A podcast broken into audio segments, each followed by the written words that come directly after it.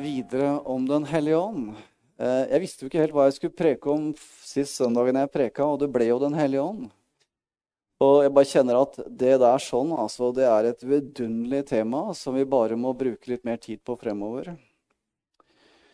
Og det var jo dette som gjorde den store forandringen i Catherine Kullman sitt liv. Det var altså, Tenk på det. Hele hennes tjeneste, hele hennes helbredelsestjeneste, startet på et møte hvor hun begynte å undervise om Den hellige ånd.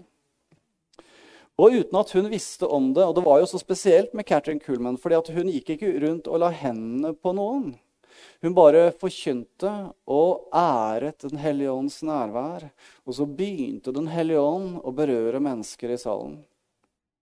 Så på et møte da, det er jo ganske mange år siden, hun døde i 1976, så, så bare forkynte hun om Den hellige ånds nærvær. Og uten at hun var klar over det, så var det en kvinne som hadde en svulst som ble helbredet. Og neste kveld så reiser denne kvinnen seg midt i forsamlingen og sier jeg ble helbredet i går da du forkynte om Den hellige ånds nærvær. Og at vi bare ønsker Den hellige ånd velkommen inn i våre liv. Så da ble hun helbredet for en svulst, og dermed så satte det i gang en tjeneste hos Catherine Kullman som sjelden har Den var voldsom. Hun hadde en veldig helbredelsestjeneste. Men hun bare æret. Hun æret den ene og sanne Gud. Amen.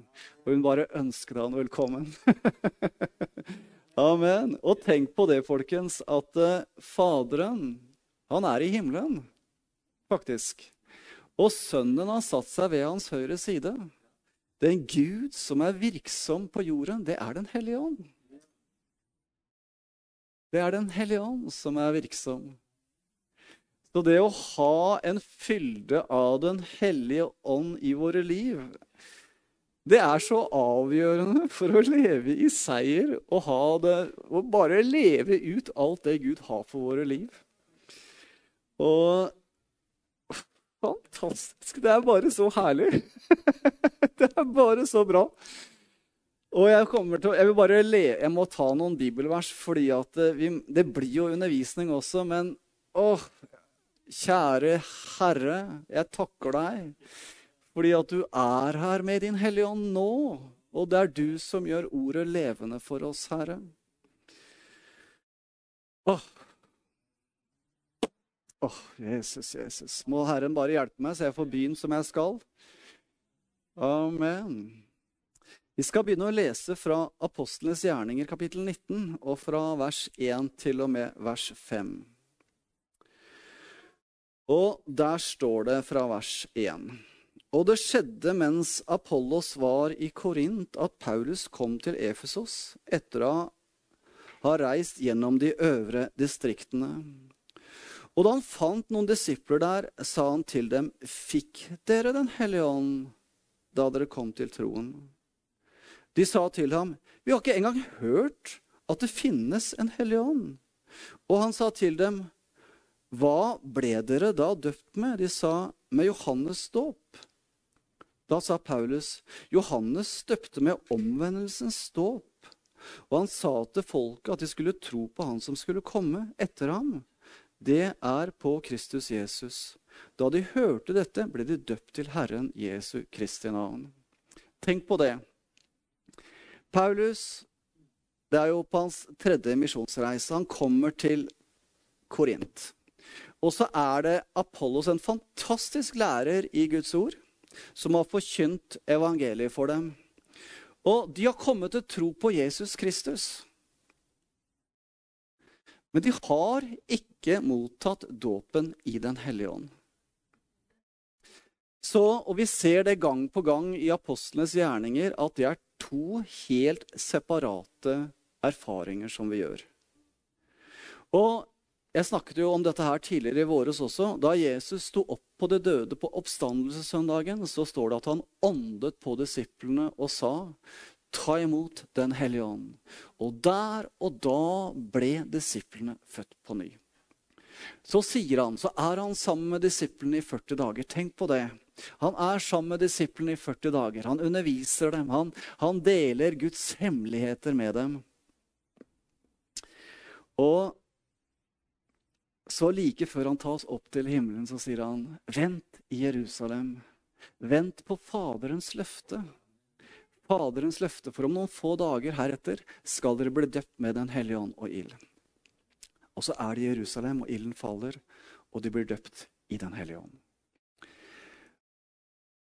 Dåpen i Den hellige ånd er avgjørende, helt avgjørende, for å leve ut det livet som Gud har kalt oss til å leve.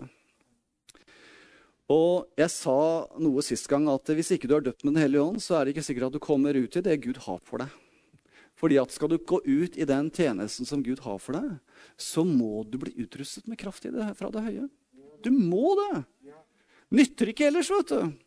Og dere vet det at uh, Den hellige ånd han har ikke bare denne oppgaven. Altså det, det viktigste Den hellige ånd gjør, det er å herliggjøre Jesus. Og Jesus sier han skal ta av det som er mitt, og han skal gi det til, han skal herliggjøre mitt navn. Og dere vet at eh, Et fantastisk bilde på Den hellige ånd, det er duen. Eh, og Da Jesus ble døpt i Jordan av døperen Johannes, så står det at Den hellige ånd kom ned over Jesus i skikkelse av en due. Og En hvit due den, det er jo et bilde på renhet og hellighet. Og det er sånn at duen har ni, i hvert fall én type due har ni svingefjær på hver vinge. Uh, og så har den fem fjær på hodet. og det er et bilde på hva Den hellige ånd gir, og hva Den hellige ånd på en måte fører inn i våre liv. Fordi at Når vi leser om den hellige ånds gaver i første Korinterbrev, så er det ni forskjellige gaver som er listet opp. Og når vi leser om åndens frukter, så er det ni forskjellige gaver som står i Galaterbrevet om åndens frukter. Og de fem fjærene på hodet, vet du, det er jo de fem tjenestegavene. Alt er noe som på en måte kommer gjennom Den hellige ånds gjerning. Amen. Så skal vi leve dette kristne livet Vi er så totalt avhengig av Den hellige ånd. Altså, Jeg tror det var Moody som sa det, at uh, du kan ikke klare å puste uten lunger. Du kan ikke klare å høre uten ører. Og på samme måte så kan du ikke klare å leve det kristne livet uten Den hellige ånd. Fordi Det er ikke bare slik at Den hellige ånd utruster deg til tjeneste med kraftgjerninger, alle åndens gaver, men det er faktisk Den hellige ånds gjerning i ditt liv som gjør at du kan leve i kristenlivet. Det er han som er setter deg i stand til å leve et hellig liv. Vi skal se på noen bibelvers. Michelangelo han, eh, Dere kjenner jo denne fantastiske kunstneren og billedhuggeren. Han hadde en sånn marmorblokk foran seg. Og så står han og ser på den marmorblokken. Og så kommer det en venn av Michelangelo bort til han og sier han, ja, hva ser du der, da? Hva ser du i den der marmorblokken der, da? spør kameraten. Jeg ser en vakker engel, sier Michelangelo. En engel, sier han. Jeg ser bare en marmorblokk. Ja, men du skjønner det at når jeg får gjort jobben, mitt, når jeg får gjort jobben min og hogd vekk det som ikke skal være der, så vil du se en vakker engel. Og du skjønner det at det er det som er Den hellige ånds oppgave i våre liv. Det er å fjerne det kjøttet. og altså, Kjøttet vil jo alltid være der, men de konsekvensene som på en måte vi som er en konsekvens av at vi fortsatt lever i denne verden. Den hellige ånds gjerning og ønske og hans gjerning er at han skal herliggjøre Jesus i våre liv ved at vi skal bli mer lik Jesus. Amen. Ved at vi skal bli mer lik Jesus. Så Den hellige ånds gjerning er bare så grunnleggende det, det, vi, vi, vi bare må ha hele fylden, skjønner du. Hele pakka. Jeg må bare også si litt sånn her, fordi at eh, Når Paulus kommer til Korint, og så, så, spør han, så treffer han noen disipler av Apollos, og så Fikk dere Den hellige ånd i dåpen? Den hellige ånd har jo ikke engang hørt om dåp Den hellige ånd, sier de. Ja, hva ble dere da døpt med, spør, spør uh, Paulus. Ja, vi ble døpt med Johannesdåpen, vi, sier de. Ja, men hva er forskjellen på Johannesdåpen og den kristne dåpen? Dere vet at Johannesdåpen det står, det var en omvendelsesdåp. Og Jeg fortalte så vidt det forrige gang at når jeg var i Israel fordi at i mange år, Jeg ble jo døpt et par-tre år etter at jeg tok imot Jesus. Eh, da fikk jeg erfarte jeg dåpen i vann, og da talte Gud rett inn i mitt liv. Og etter det så var jeg på søstera mi hele tiden for at hun skulle forstå hvor viktig dåpen i vann var. Og så sier hun, og det hun sa akkurat det samme som jeg sa. Nei, jeg er døpt som barn, jeg. Jeg er døpt som barn, og det holder i massevis. Og i 15-20 år hadde jeg noen sånne regelmessige samtaler med søstera mi for å forklare henne hva dåpen i vann egentlig innebar. Og så var vi i Israel for tre år siden. Og så fikk jeg sånn lys vet du, over renselsesbadene som jødene hadde, som var en forløper for Johannesdåpen. Fordi at eh, jødene hadde en sånn skikk at uh, hvis du skulle virkelig innvie deg til et, et, noe nytt, så de, tok de et sånn renselsesbad. Og det var akkurat det som egentlig Johannesdåpen var. Det var en omvendelse fra, på en måte, fra onde gjerninger og så sier jeg til søstera mi at du skjønner det at jo, så, så, så, er jeg der på morgenen, kommer ned, da sitter vi i Jerusalem. På et hotell innenfor i gamlebyen i Jerusalem. Og så tenker jeg Gud, nå må jeg få, få en prat med søstera mi. Nå må jeg få en prat med søstera mi. Og så kommer hun ned til frokost aleine, og jeg sitter aleine ved bordet og tenker jeg, nå Gud, nå har jeg anledningen. Nå er det bare å fyre løs, tenkte jeg. Og så begynte jeg å forklare henne dette her med Johannesdåpen, hva den egentlig innebar som disse disiplene som var i Korint. Og så forklarte jeg henne hva Jesu dåp innebar. Og hva den kristne dåpen Fordi at den kristne dåpen det er bare rett og slett å følge etter det som Jesus gjorde da han gikk ned i Jordan og ble døpt av Johannes. Og Så sitter jeg og forklarer dette for søstera mi, og så sier hun Å, er det sånn, ja? Ja, men da vil jeg døpe meg, sier hun. Og tenkte jeg, ja, Var det så lett? Var det så lett, tenkte jeg. Og så vi, skal vi reise fra eh, Jerusalem til Natanya, og så sier hun kan ikke du døpe meg i Middelhavet når vi kommer fram i kveld. sier hun. Og Da var det litt mørkt, så vi venta til dagen etter. Men da døpte vi henne på badestranda utafor Natania Natanya i Middelhavet. Full neddykkelse. Amen. Fordi at eh, altså, det er, Vi må forstå hva den kristne dåpen egentlig er. Eh, fordi at Og så sier så sier eh, Paulus at eh, det står her sånn at eh, da de hørte dette, ble de døpt til Herren Jesu navn. Altså, hva, fordi at eh, vi kan, på en måte, Når vi døper folk, og de har forstått dette med dåpen i Den hellige ånd, så sier vi at vi døper dere til Kristus i Faderens, Sønnen og Den hellige ånds navn. Hvorfor sier vi at vi døper dem til Kristus? Et annet sted i Apostlenes gjerninger kapittel 2 så står det at eh, da, er det, er det Peter som taler på pinsedagen, og 3000 mennesker blir frelst. Og de spør ja, hva skal vi gjøre, sier disse. Ja, omvend dere, sier Peter. Og la dere døpe i Herren Jesu Kristi navn. Og hvorfor er det så viktig at når vi døper mennesker i vann, at vi sier vi døper dere i Jesu navn, eller vi døper dere til Kristus? Hør nå. Det står i Galaterne 3, 26-27. For dere er alle Guds barn ved troen på Kristus Jesus. Hva er det som gjør oss til Guds barn? Det er troen på Jesus Kristus. Og så står det videre.: For så mange av dere som ble døpt til Kristus, har ikledd dere Kristus. Og dette er ikke dåpen i vann. Når det står der sånn, For dere må forstå det og vite det at det som står på gresk, er baptisio, og det betyr å bli puttet inn i eller nedsenket i noe. I det øyeblikk som vi tar imot Jesus Kristus som frelser, så blir vi puttet inn i Kristus. Så hadde du oversatt det direkte, så står det For vi alle altså Nå skal jeg bare oversette det sånn direkte. For så mange av dere som er puttet inn i Kristus, har ikledd dere Kristus. Så mange av dere som er nedsenket i Kristus, puttet inn i Kristus, har ikledd dere Kristus. For det er ingen frelse i dåpen. Det er frelse i troen på Jesus Kristus. Det tok tre år før jeg døpte meg i vann. Jeg var jo frelst, folkens, før jeg døpte meg i vann. Ikke sant? Jeg var frelst. Så Å, kjære Jesus så står det altså her i Apostlenes gjerninger kapittel 2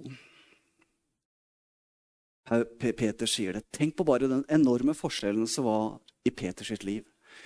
Hør pinsedagen. Hør korsfestelsen. Han fornektet Jesus tre ganger. Etter, pins, etter på pinsedagen så står han fram full av kraft, full av Den hellige ånden. Og 3000 mennesker blir frelst. Hvorfor? Pga. dåpen i Den hellige ånd. Pga. dåpen i Den hellige ånd. Det var det som var forskjellen. Han var allerede en ny skapning i Kristus. Men det er ikke nok, skjønner du. Dere vet, Det er jo ikke nok å bare bli en ny skapning i Kristus Jesus, for det er det som skjer når vi blir født på ny. Da blir vi en ny skapning. Vi får en helt ny ånd inni oss. Men det er et påfyll fra himmelen som gjør ikke, som gjør oss i stand ikke bare til å leve det kristne livet, men det er en utrustning til tjeneste. En kraftkilde som bare forandrer alt. Så hør nå.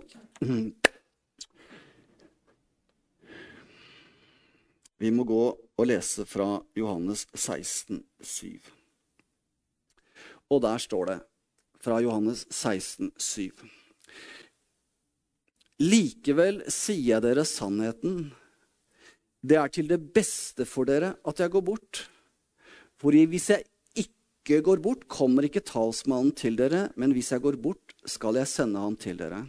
Jesus sier det er det beste for dere at jeg går bort. Tenk, altså, Disiplene hadde Jesus omkring seg i tre og et halvt år. Var det et problem, så kunne de gå til Jesus Kristus og få hjelp hele tiden. Og allikevel så sier Jesus er det beste for dere. Tenk på det, folkens, at vi har noe som er enda bedre enn disiplene. Vi har ikke bare Jesus iblant oss, men vi har faktisk, ved Hans ånd så har vi han på innsiden av oss.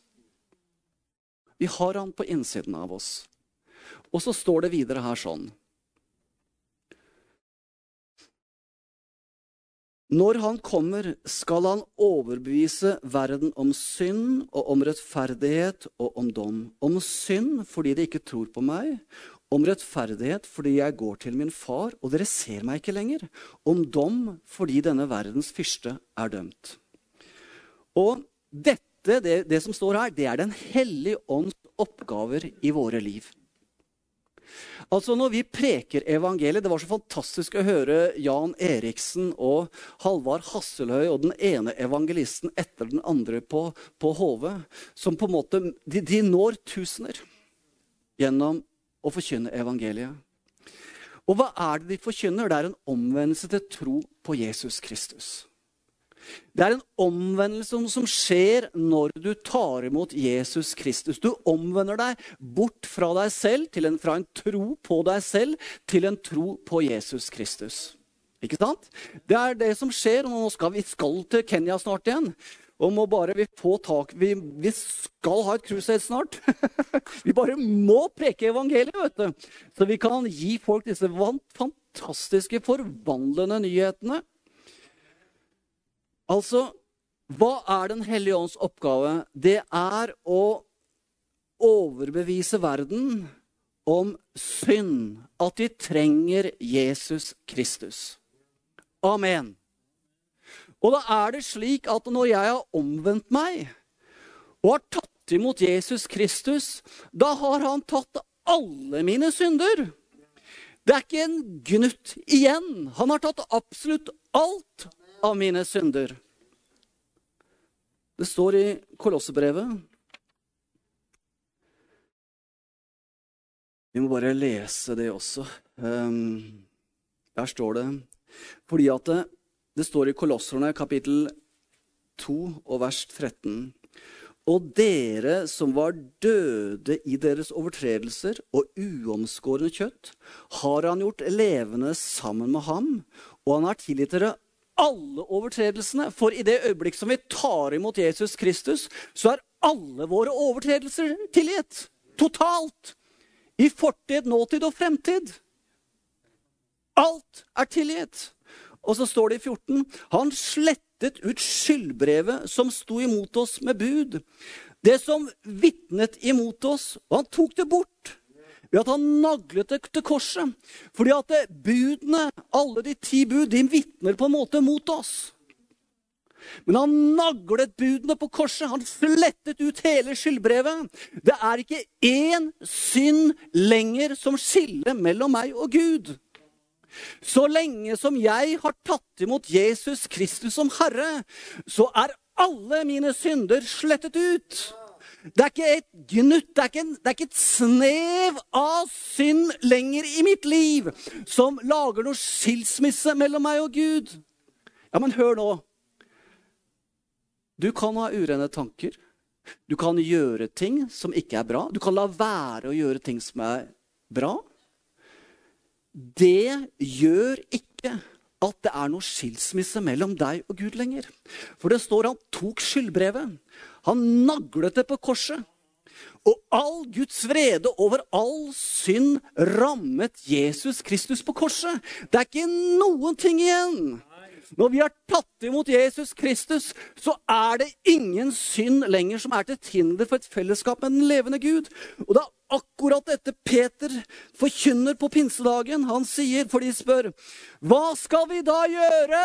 Hva skal vi da gjøre? Han prekte evangeliet, så sier Peter, omvend dere og enhver av dere la seg døpe i Jesu Kristi navn til syndenes tilgivelse, og dere skal få Den hellige ånds gave. Omvend dere! Fra hva da? Fra et liv i troen på at du selv kan få det til. At du selv kan gjøre det bra nok i forhold til Gud. Du omvender deg fra ditt eget liv og troen på din egen dyktighet, din egen prestasjon, fra din egen fariserisme, til troen på den levende Gud. Og det er dette som er Den hellige ånds oppgave. Det er å herliggjøre Jesus. Få fokuset ditt bort fra deg selv og over på det som Jesus har gjort på korset. Det er Den hellige ånds oppgave! Amen! Og da er det ikke lenger rom for noe fordømmelse, skjønner dere. Det er ikke rom for fordømmelse. Jeg satt og prata med en kar på HV på, som kom inn i teltet om morgenen. og Han hadde en sånn diffus greie som, han ikke var sånn, som hadde skjedd for mange år siden. Bare fordømmelse. Og så fortalte jeg han om hvordan blodet renser. Han, han fikk et møte med Gud der på morgenen. Blodet er Altså, jeg er ren. Jeg er totalt ren. Og det er Den hellige ånds oppgave å overbevise deg om. Djevelen slår. Djevelen fordømmer. Han er den som anklager brødrene dag og natt. Men de seiret over ham i kraft av lammets blod og det ord du vitnet. Og det ord de vitnet. Jeg skjønner det at det, blodet det vitner om Jesu død på korset. At han tok min og din synd. Det er ikke noe igjen, skjønner du. Så når på en måte du kjenner anklagene kommer Jesu blod. Jeg bare taler ut kraften av Jesu Kristi blod. Hans død. Han tok alle mine synder. Han tok skyldbrevet og naglet det til korset. Det er ingenting igjen av Guds vrede over mitt liv. Gud tok hele greia. Han tok hele straffen fra fortid, nåtid og fremtid. Amen. Amen. Det er en sånn frihet, skjønner du. Det er en sånn frihet. Det er ikke rom for fordømmelse. Men han kan komme med overbevisning. Men det er ikke rom for fordømmelse. Det er ikke, det er ikke noe rom for fordømmelse. Så kjenner du fordømmelse, så tal ut kraften i blodet. Og du skjønner det. Derek Prince skriver så fantastisk om det at den isopkvisten vet du, den hadde sånn der, Jeg fortalte til han fyren som kom innom teltet på morgenen. Den hadde sånne, sånne små hår på seg, den isopkvisten, slik at når du dyppet den i blodet, så ble blodet hengende fast. Og så skulle du stryke når, før du gikk ut av Egypt, så skulle du stryke blodet over dørbjelken. Ikke sant? Men hvis de ikke hadde strøket blodet på dørbjelken, så hadde ikke, døds, hadde ikke dødsengelen gått forbi. Og på samme måte så sier det Johannes' åpenbaring kapittel 12 at de seiret over ham i kraft av lammets blod og det ord de vitnet. Altså Det er når du taler ut kraften av blodet, at det har kraft. Det er da fordømmelsen må vike. Og det er dette som er Den hellige ånds oppgave. Det er å overbevise verden om synd. Nemlig at du kan ikke få det til i egen kraft. Du må stole på det som Jesus Kristus har gjort, ene og alene. Og da er det ikke lenger noe rom for fariserisme. Dette er Den hellige ånds oppgave. Men hør. Hør nå. Og Nå skal dere høre noe som er veldig herlig, skjønner du. For det står videre her sånn i Johannes 16, og så står det Når han kommer, skal han overbevise verden om synd og om rettferdighet og om dom. Om synden fordi de ikke tror på meg. Det er, det er kjernesynden. Skal du få fred med Gud, så er det bare én vei, og det er gjennom Jesus Kristus. Og så sier han noe veldig rart. Han sier om rettferdighet. Fordi jeg går til min far, og dere ser meg ikke lenger. Hvorfor står det sånn? Hvorfor sier han om rettferdighet, at Den hellige ånd skal overbevise dere om rettferdighet? For jeg går til min far, og dere ser meg ikke lenger. Hør nå. Jesus var sammen med disiplene i 40 dager. Hva tror dere han underviste disse disiplene om? Han sa, 'Nå er dere født på ny.' Dere har fått min rettferdighet. Men så sier han før ham på korset sier han, 'Det er det beste for dere at jeg går bort.' For ellers så kan jeg ikke sende en hellig ånd til dere. Og da er det sånn, skjønner du, at når Jesus har reist himmelfarten, satte seg ved Faderens høyre side. Altså Han sier om rettferdighet. For jeg går til min far, og dere vil ikke se meg lenger. Hvem skal da overbevise dere om rettferdighet? Halleluja, det er Den hellige ånd. Det er Den hellige ånd som skal overbevise oss om rettferdigheten i Kristus. Ser dere det? Det er jo det dette verset betyr. Altså, Kan det bli tydeligere? Kan det bli tydeligere og klarere? At det er, dette er Den hellige ånds oppgave. Det er tre ting Jesus snakker om. Han skal overbevise verden om synd, at må omvende, vi må omvende oss fra å ta tro på våre egne prestasjoner og hva vi kan få til, og sette vår lit helt og fullt til Jesu fullbakte verk på Golgata kors. Og det er sånn, vet du, da, når vi har tatt imot Jesus Kristus som frelser Da bare fyller Den hellige ånd på mer, vet du. Du er rettferdiggjort. Da er det Den hellige ånd som kommer. For Jesus er ikke blant oss lenger, for han har gått hjem til Faderen. Vi ser ikke Jesus lenger, så nå er det Den hellige ånd som skal overbevise oss om rettferdigheten. Tenk på det. Dette er Den hellige ånds oppgave. For et liv, sier bare jeg. For et liv. Alle mine synder er lagt på Kristus. Jesus Kristus. Jeg har fått hans rettferdighet. Jeg er en ny skapning i Kristus Jesus. Det er det fundamentet som jeg kan stå på, og det er urokkelig, skjønner du. Det er så fast at det kan ikke rokkes. Og så sier Jesus noe mer om dom fordi denne verdens fyrste er dømt. Ja, ja, nå fikk du ikke til, Jarl. Nei, nå, nå syns jeg du svikta. Her må jeg nok komme og dømme deg litt. Nei, det er ikke plass til noe dom lenger over mitt liv. For det er ikke jeg som skal dømmes. Det står ikke at det er jeg som skal dømmes. Det, ikke, det, det står ikke at Den hellige ånd skal overbevise meg om dom, om Guds dom over mitt liv. Hva er den står? Denne verdens fyrste er dømt, står det. Ikke du som er dømt. Det er, den, det er denne verdens fyrste som er dømt. Og det er jo akkurat, altså, du, kan, du kan nesten ta kolossene og så kan du legge over Johannes 16, så er det som en blåkopi. For hva er det står i kolosserne? For det første så står det i vers 13.: Og dere som var døde i deres overtredelser og uomskårne kjøtt, har han gjort levende sammen med ham. Det er jo den nye fødselen når vi enn omvender oss til Kristus. Og han har tilgitt dere alle overtredelsene og han slettet ut skyldbrevet som sto imot oss med bud. Det som vitnet imot oss, han tok det bort. Han naglet det til korset. Hva er igjen da? Guds rettferdighet. Og så står det siste delen her, sånn vers 15. Det er eksakt det som står i Johannes kapittel 16, hvor Jesus sier og dom at denne verdens fyrste er dømt. Der står det i vers 15. Og han avvæpnet maktene og myndighetene og vanæret dem offentlig da han triumferte over dem på korset. Amen. Ser dere det? Det er Den hellige ånds oppgave i våre liv. Det er å overbevise oss om at det er ikke noe lenger noe rom for en fordømmelse. Det er ikke vi som skal dømmes. Det er, hel, det er djevelen, det er denne verdens fyrste som skal dømmes. Og han er dømt! Han ble dømt på korset. Han ble dømt på korset. Han ble dømt på korset. Han ble dømt på korset. Så du skjønner det at det, Den hellige ånds oppgave det er å overbevise oss om at jeg er en ny skapning i Jesus Kristus. At jeg er rettferdiggjort i Kristus. At jeg, er, at jeg har autoritet i Kristus. At jeg er over den onde. Da er det som han der Lester Summerell forteller om, vet du. Kom hjem, og så var det noen som rugga på senga hans, og så fikk han på lyset, og så så han at det sto en demon borti kroken der. Og så sier han 'Å, er det bare deg', ja? Bare slukka han lyset, og så sovna han. Amen.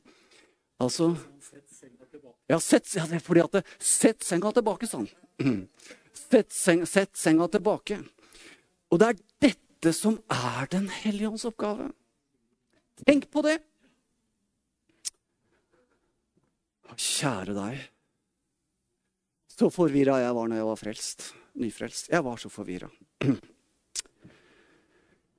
Men Gud er god. Amen. Dette er Den hellige ånds oppgaver. Hør nå. Nå skal jeg sitere en som heter Torrey, som var leder for Moody's Bible Institute i Chicago i mange år under Moody. Så sier han om vi tenker på Den hellige ånd som en kraft, da kommer vi hele tiden til å tenke hvordan skal jeg få mer av Den hellige ånd? Men om vi tenker på ham slik som Bibelen beskriver ham, som en guddommelig person, da kommer tanken til å være hvordan kan Den hellige ånd få mer av meg? Hvordan kan Den hellige ånd få mer av meg? Det er dette som er veien inn i helliggjørelsen. Ikke at vi skal rive oss selv etter håret. Runar har jo et problem der, jeg har litt mindre problem. Så, men det er ikke der det ligger. Åh, det er ikke der det ligger. Å, Jesus. Når du skjønner at Den hellige ånd ikke bare er en kraft, men en person, da er det ikke snakk om hvordan du skal få mer av denne kraften, men hvordan du kan gi mer rom for Den hellige ånd i ditt liv. Amen. Deri ligger helliggjørelsen. Og så står det Fordi at det, det Den hellige ånds oppgave er Det er å føre oss inn i dypt, en dyp relasjon med Faderen. Det er å utvikle en karakter i våre liv som gjør at vi blir mer lik Jesus. Og det er å utruste oss til å betjene våre omgivelser i hans kraft, i åndens kraft, slik som Jesus gjorde. Det er Den hellige ånds oppgave. Det er Den hellige ånds oppgave. Og vi tenker ofte sånn som så at jo, jo, men her Ja, men Ja, ja jo, men Jeg må jo gjøre min del. Ja, din del er å overgi deg til Den hellige ånds gjerning i ditt liv. Det er din del av jobben. Og nå skal jeg lese noe som står i Romerne kapittel 8 og vers 15 og 16. Nå skal jeg først lese det sånn som det står i Bibelen Guds ord, og så skal jeg lese det etterpå i en levende bok.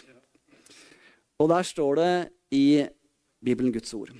For dere fikk ikke trelldommens ånd så dere igjen skulle frykte, men dere fikk barnekårets ånd, og i ånden roper vi Abba far. Ånden selv vitner med vår ånd at vi er Guds barn. Nå skal jeg lese en levende bok-oversettelsen. Guds ånd lar ikke livet bli et slaveri under Gud. På den måten at dere på nytt skulle være livredde for ham. Ånden gjør dere til Guds egne barn. Barn som kan rope til Gud 'Far, vår Far'. Guds ånd hvisker mildt og trygt helt inn til hjerteroten at vi er Guds barn. Amen.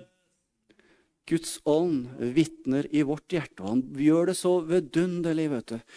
Du er frelst. Du er reddet for evigheten. Jeg har ingenting imot deg. Kan tenke dere at hvis du har en god pappa, og du gjør noe gærent Tror du han skjeller deg ut hvis du på en måte gjør noe feilsteg? Han tar jo imot deg med åpne armer. Og sånn er det med Gud også. Han tar imot oss med åpne armer hele tiden. Og så skal jeg lese noe som står i Peter, Peters første brev, kapittel 1 og vers 2. Der står det, og skal jeg lese det på nytt igjen fra en levende bok. De som er utvalgt etter Gud Faders forutviten i åndens helliggjørelse, til lydighet og renselse med Jesu blod, nåde være med dere og fred i rikelig mål. Og skal jeg bare ta den siste delen fra en levende bok. Ved kraften i Guds ånd kan dere nå være lydige mot Jesus Kristus og leve helt og fullt for ham. Det er ved kraften i Den hellige ånd at vi kan leve helt og fullt for Gud. Og her har du den marmorblokka som Michelangelo så for seg. Og han så at det skulle bli en vakker engel. Men det var ikke det da. Han måtte hogge vekk en del ting. Og det er jo mer vi gir rom for Den hellige ånd i våre liv, jo mer kan Gud ta vekk. Amen. Og da er det ikke lenger snakk om å prøve å dra seg selv etter håret. Du vet at da jeg ble frelst, vet du Jeg, jeg ba jo til Gud, da, vet du. Og, og, hør nå. Da jeg sa til Gud, om du finnes, Gud, så vis meg om du er til eller ikke. Og så begynte jeg å lese i boka. Og så var det som hvert ord ble levende. Og det er Den hellige ånds oppgave. Han gjør ordet levende for oss. Og så opplevde jeg det at så fort jeg fikk det bra, så var jeg på vei bort fra Gud. Og da gjorde Gud et bibelvers som jeg hadde lest levende for meg. Du skal elske Herren din Gud av hele ditt hjerte og all din sjel og all din kraft. Men det fikk jeg ikke til sjøl. Men jeg bare ba den bønnen inni meg, og så kom Den hellige ånd meg til hjelp var det som gjorde at jeg etter en tid kunne si jeg elsker deg, Herre, av hele mitt hjerte og all min sjel og all min kraft og hele min forstand. Det var et verk av Den hellige ånd. Amen. Det var et verk av Den hellige ånd. Så hør nå, folkens. Det er en omvendelse til Jesus Kristus når du blir frelst. Hvor han tar alle dine synder og nagler dem til korset. Han sletter ut hele skyldbrevet. Men det betyr ikke at det ikke er en omvendelse underveis i det kristne livet. Men da er det aldri fordømmelse, for det som er så typisk for fordømmelsen, er at den er diffus. Den er så diffus, du bare vet ikke helt hva det var. Det var kanskje litt der. Ja, kanskje Det føles litt sånn uggent. Det føles ikke helt bra. Det er den fordømmelsen. Hvor det bare er en sånn diffus følelse. Når Den hellige ånd kommer, da taler han rett inn i livet ditt og så peker han på det. Og så er det ingen fordømmelse. Du kjenner at Ja, amen. Det er sant. Han er som en kjærlig, god pappa. Ja, men Så sier han, 'Kom på fanget mitt nå', sier han. Nå skal jeg fortelle deg. Du skjønner det at uh, det du gjorde der, det bør du gjøre litt annerledes. Men nå skal du slippe å gjøre det på egen hånd. For du skjønner det at jeg bor inni deg også, skjønner du. Og så skal jeg gjøre det for deg. Så bare, bare gi meg plass inni hjertet ditt. Inne her inne. Så fikser jeg det der sånn. Og for noen år siden så var jeg ved et dødsleie. Og den personen som lå på det siste, den personen hadde såra meg så dypt. Det var så smertefullt. Og jeg var så overbevist om at en dag skulle den personen forstå før hun døde. Så er jeg på dødsleiet inne i Oslo Ullevål sykehus. Og den personen ånder ut og er bitter helt til siste slutt. Og jeg går ut av det rommet på sykehuset og er sjokka. Jeg er lamslått, jeg kjører hjem, og jeg skjønner ingen verdens ting. Og jeg går som i svime i to uker og sier til Gud Gud, dette, dette fikser jeg ikke, Gud. Dette klarer jeg ikke å forholde meg til. Jeg klarer, Dette kan jeg aldri tilgi det mennesket. Så går det to uker, og så sitter jeg på stua hjemme. Og så kommer den, jeg sitter og hører på noe undervisning, så kommer Den hellige ånd og fyller meg så totalt. Og så kjenner jeg jeg slipper det. Helligånd hjalp meg. Men Helligånd hjalp meg. Jeg, ikke, jeg, jeg, må jo si det at innimellom, så når folk gjør ting, så Jeg må si at jeg sliter litt med å tilgi. altså. Å elske de menneskene 100% som de aldri har gjort meg noe. Jeg sliter ordentlig med det i min egen kraft. Men du skjønner det at jeg hadde en ny runde her for en, bare faktisk en knapp uke, knapp uke siden. Så tenkte jeg Gud, dette er vanskelig. Dette fikser jeg ikke, Gud. Jeg fikser ikke det der. og så sier jeg til Gud, omvend meg du, Gud, så vender jeg meg om til deg. Omvend meg du, Gud, så vender jeg meg om til deg. Omvend meg du, Gud, så vender jeg meg om til deg. Fordi at vi fikser ikke dette kristne livet, vi vet det. Vi fikser ikke det. Det er like vanskelig å puste uten lunger som å leve det kristne livet uten Den hellige ånd. Vi fikser ikke dette livet. Og det visste jo Jesus. Men hør nå. Han gjorde oss rettferdig i vårt indre menneske, i vår ånd. Og så på toppen av det så har han fylt oss med Den hellige ånd, som bor i vårt indre menneske. Og når vi ikke fikser det, og vi bare gir rom for Den hellige ånd, så fikser han det. Så du vet at det, det er jo det som er altså, Det var en omvendelse som skjedde da jeg tok imot Jesus Kristus. Men det er en kraft fra himmelen. Og du vet at det, Tenk på det!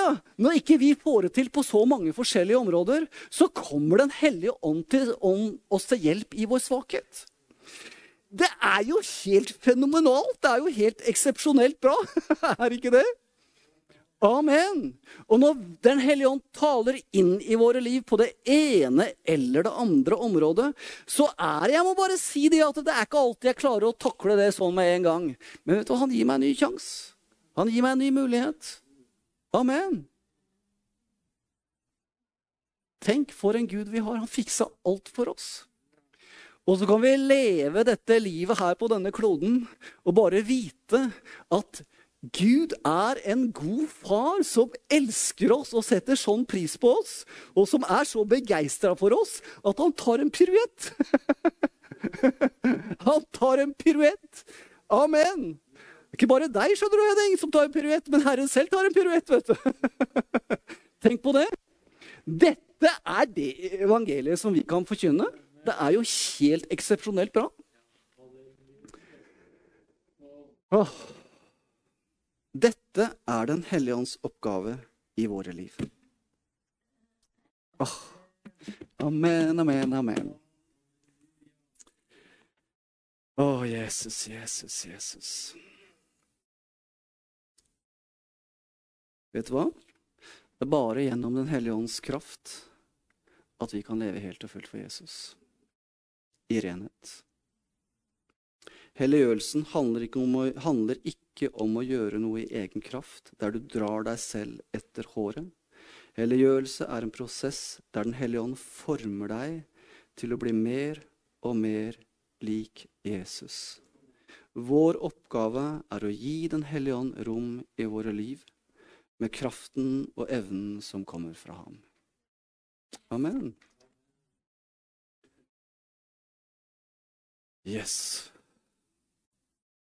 Og så må jeg bare ta én liten ting på slutten. Helt på slutten. Fordi at uh, Det er jo sånn at uh, Den hellige ånd Han er jo vår talsmann. Parakletos. Og dette ordet som er brukt om den hellige ånd. Når Jesus sier at 'jeg skal gi dere en annen talsmann', så det ordet som er brukt på gresk, betyr en annen av samme slag. Og dere vet at Jesus er Gud den allmektige fra evighet av. Skaperen av hele universet. Og det samme gjelder Den hellige ånd. Den hellige ånd var med i skapelsen av hele universet. Han er allviten, han vet alt. Og det er denne personen vi har på innsiden. Og så står det noe at uh, dere har fått som pant Et pant, står det. Vi kan ta og lese det som uh, seil, står det i noen oversettelser. Det står i Efeserne kapittel 1, vers 13. I ham ble også dere, etter at dere fikk høre av Efeserne 1, 13. I ham ble også dere, etter at dere fikk høre sannhetens ord det som er evangeliet om deres frelse. I ham ble også dere, da dere kom til tro, beseglet med Den hellige ånd, løftets ånd. Og det er jo mange ting vi kan snakke om der, men pant Vi fikk et pant. Og det som er litt herlig i dette her, sånn, er det at på moderne gresk, dette ordet som er brukt for pant, det er det samme ordet som er brukt for en forlovelsesring. det er det samme ordet på moderne gresk. Og det betyr at vi er forlovet med Kristus. Den hellige ånd er som en ring jeg har fått inn på fingeren. Og folkens, en dag skal vi feire bryllup. som Runar var innom her i begynnelsen. Det kommer en dag hvor vi skal feire bryllup. Men vi har fått forlovelsesringen. Den er klar. forlovelsesringen er klar. Den har vi fått som et pant. Du vet at det, i, på, på, Jesu tid, det å gå inngå en forlovelse, det var en bindende pakt. Og vi har allerede inngått en bindende pakt med Gud, vår skaper. Amen. Og en dag er det tid for bryllup. Men mens vi venter på det, så har vi Den hellige ånd. Og som Jesus sier, han skal være med dere til evig tid. Amen. Han er med oss til evig tid. Amen. Jeg takker deg, Herre. Jeg priser og ærer deg, Herre. Og takk for din salvelse, Herre. Takk for din kraft. Jeg priser og ærer deg.